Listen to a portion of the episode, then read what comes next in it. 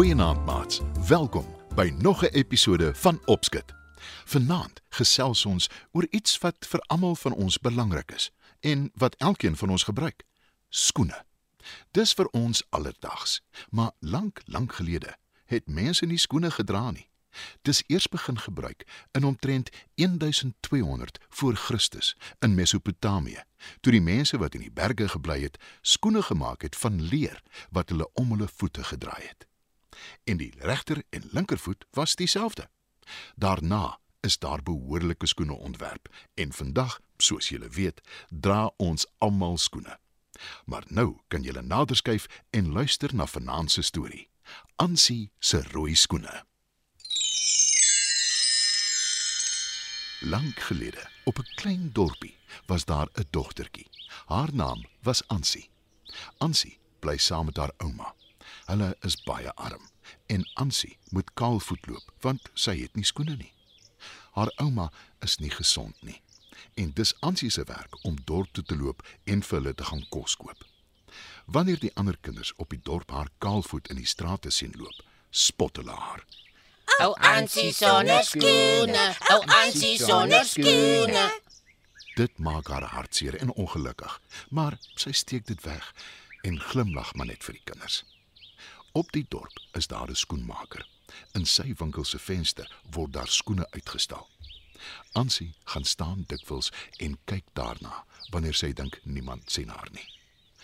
Sy sien tog net nie kans vir 'n ekstra gespottery nie. Maar iemand sien haar wel. Die skoenmaker se vrou. Sy voel baie jammer vir die dogtertjie en sy wonder wat sy kan doen om haar te help.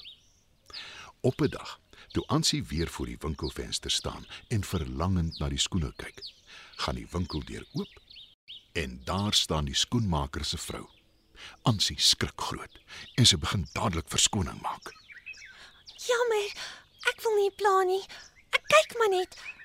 Ek sal nou dadelik gaan. sê sy en sy wil haar uit die voete maak want die heel laaste ding wat Ansie wil hê is moeilikheid.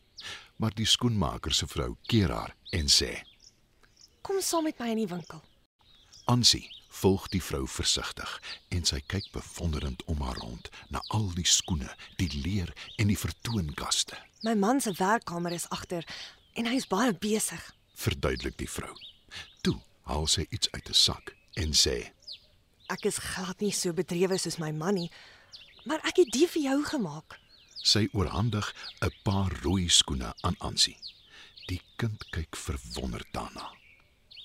Dis nou wel net van materiaal en dis nie so mooi soos die skoene wat my man maak nie. Nee, dis pragtig. Baie baie dankie. Keer Ansie vinnig. Sy glip die rooi skoene aan haar voete en loop trots op en af daarmee. Die skoenmaker se vrou is na aan trane. Dis regtig nie die mooiste skoene nie, maar sy het nog nooit iemand so trots gesien nie. Ansie bedank haar weer 'n keer en toe draf sy huis toe met haar nuwe skoene. Daar aangekom, wys sy dit vir haar ouma. Sy dans ook oral in die huis rond met haar nuwe skoene. 'n Paar dae gaan verby en Ansie moet weer dorp toe gaan om te gaan kos koop. Hulle geld is amper op en dis nog 'n ruk tot die einde van die maand. Sy sal mooi moet dink wat sy kan koop en wat sy moet los. Ansie groet haar ouma en stap dorp toe. Deslag spot die dorpskinders haar oor haar skoene. Ou Ansie lapskoen, ou Ansie lapskoen. roep hulle. Maar Ansie steur haar nie aan hulle nie, want vir haar is dit die mooiste skoene op aarde. Sy koop wat sy kan met die bietjie geld wat sy het en draf huis toe. Maar by die huis aangekom, steek sy vas. Daar's 'n ambulans en heelwat mense voor haar huis.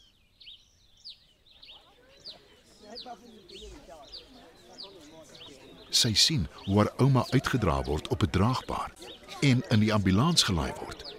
Ansie draf nader. Sy is na aan trane en vra: Wat gaan aan? Waarheen vat hulle my ouma? Ek het jou ouma kom besoek en sy is beslis te siek om alleen te bly. verduidelik die buurman. Nou huil Ansie openlik. Sy is nie alleen nie. Ek pas haar op. sê sy, maar die buurman steur hom nie aan die dogtertjie nie. Hy vat haar net in die arm en trek haar na sy huis toe. Ansie probeer keer, maar die buurman sê ferm: Dis die einde van die nonsens. Van nou af bly jy by my en by my vrou. Hy kyk Ansie op en af en sê: Trek uit daai lelike skoene. Hulle gaan reguit asblik toe. Ansie probeer nog keer, maar die buurman pluk die skoene van haar voete af, De, vat die. Dis my seun se oues. sê hy. En hy gee vir Ansie 'n paar ou bruin skoene om aan te trek. Dis te klein vir haar en druk haar tone, maar sy's te bang om enigiets te sê.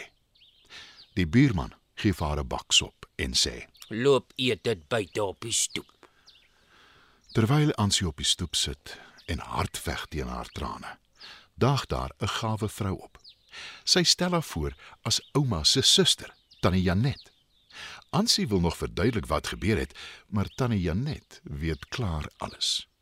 Sy vat die baksop by haar en loop by die buurman se huis in. Ansie wonder wat aangaan, maar sy sê liewer niks nie.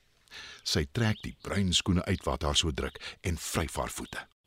Na 'n ruk kom Tannie Janet terug uit die buurman se huis. Sy het Ansie se rooi lapskoene in haar hand. Ansie trek haar rooi skoene aan en die twee van hulle gaan in ouma se huis in.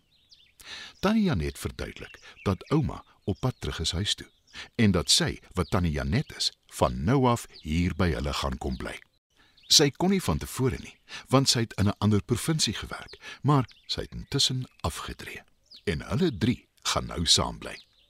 Ansie is baie gelukkig, veral toe sy sien dat die ambulans ouma terugbring. Ouma, Ansie en Tannie Janet bly nou saam. Tannie Janet doen saam met Ansie inkope. Sy koop ook vir haar nuwe skoene. Maar die rooi lapskoene sal altyd haar gunsteling bly.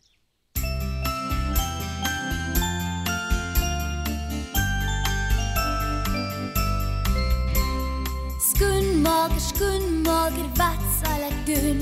My groot toon steek skoon uit by my skoen. Hier bring ek my skoen vir jou.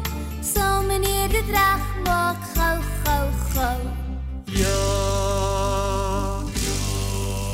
Met my hamer en my spyker sal ek dit doen. Tik tik tak op jou stikkende skoen. Tik tik tak en dit